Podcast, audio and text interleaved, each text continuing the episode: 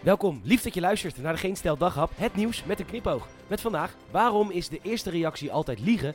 Toeslagen, ellende in Harderwijk en nog iets wordt duurder. Mijn naam is Peter Bouwman, dit is het nieuws van zaterdag 16 april.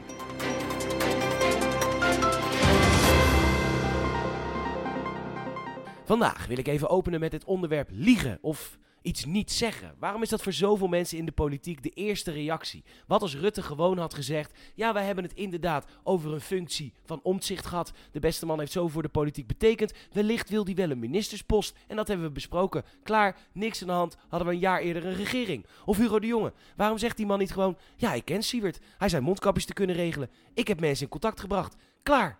Rapporten in Amsterdam over geweld tegen homo's. Allemaal in de la. Waarom? Het komt altijd uit. Mensen, mensen die geloven in het World Economic Forum, dat, gaat, dat kan niet. Mensen zijn te stom. Men, het komt altijd uit. En nu D66. Net voor de verkiezingen werd een rapport over grensoverschrijdend gedrag van iemand binnen de partij weggemoffeld. Dat meldt het D66-partijprogrammaboekje De Volkskrant.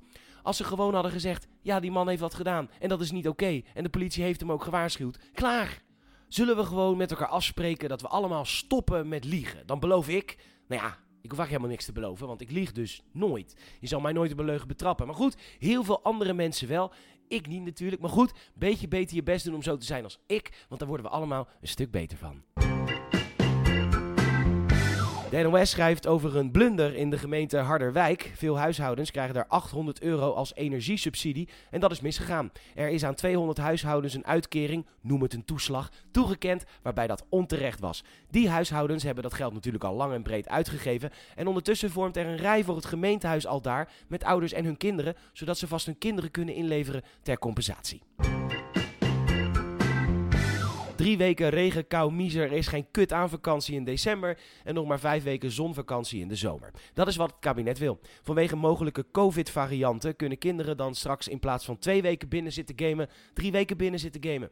De reisbranche noemt het bij de thee in ieder geval een mes in de rug. En die waarschuwt.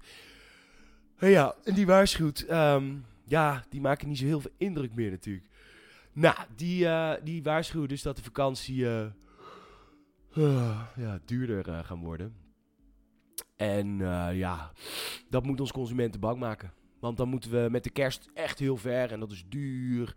Als we de warmte willen en ze hebben in plaats van vijf nog maar zes weken om hun geld te verdienen in de zomer. En investeren in winter en indoor activiteiten kosten geld en dat wordt dan straks doorberekend aan de consument. Nou. Bij het Martini ziekenhuis in Groningen staat een standbeeld voor de deur. En een aantal mensen vindt dat beeld aanstootgevend. Dan zou je denken, is het misschien het standbeeld anale seks met dode dieren van kunstenaar Harry Plompzak? Nee, het is van kunstenaar Albert Aukema en het heet Moeder met kinderen. Een moeder die haar twee kinderen borstvoeding geeft. Maar, zeggen bepaalde mensen, als het beeld van boven bekeken wordt, als je boven staat in het ziekenhuis, dan lijkt het net alsof die vrouw zich laat bevredigen door twee kinderen. En in plaats van dat het ziekenhuis zegt: achterlijke mogol, loop even naar beneden en ga zelf eens even kijken. Dat is een vrouw die haar twee kinderen borstvoeding geeft. Want omdat jij thuis tekort komt, denk jij dat je een vrouw ziet die zich laat bevredigen door twee kinderen. Gore, vieze perverseling.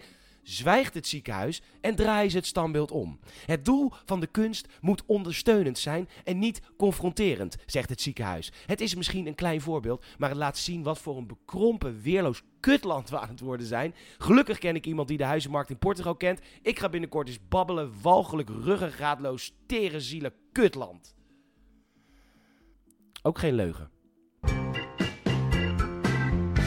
Bedankt voor het luisteren. Je zou ons enorm helpen als je een vriend of vriendin of familielid vertelt over deze podcast. Je kan een Apple Podcast review achterlaten, 5 sterren alsjeblieft. En dat kan ook via Spotify. En je kunt ons ook nog eens volgen via vriendvandeshow.nl. Nogmaals bedankt voor het luisteren. Morgen ben ik er niet. Uh, maandag weer. Tot dan.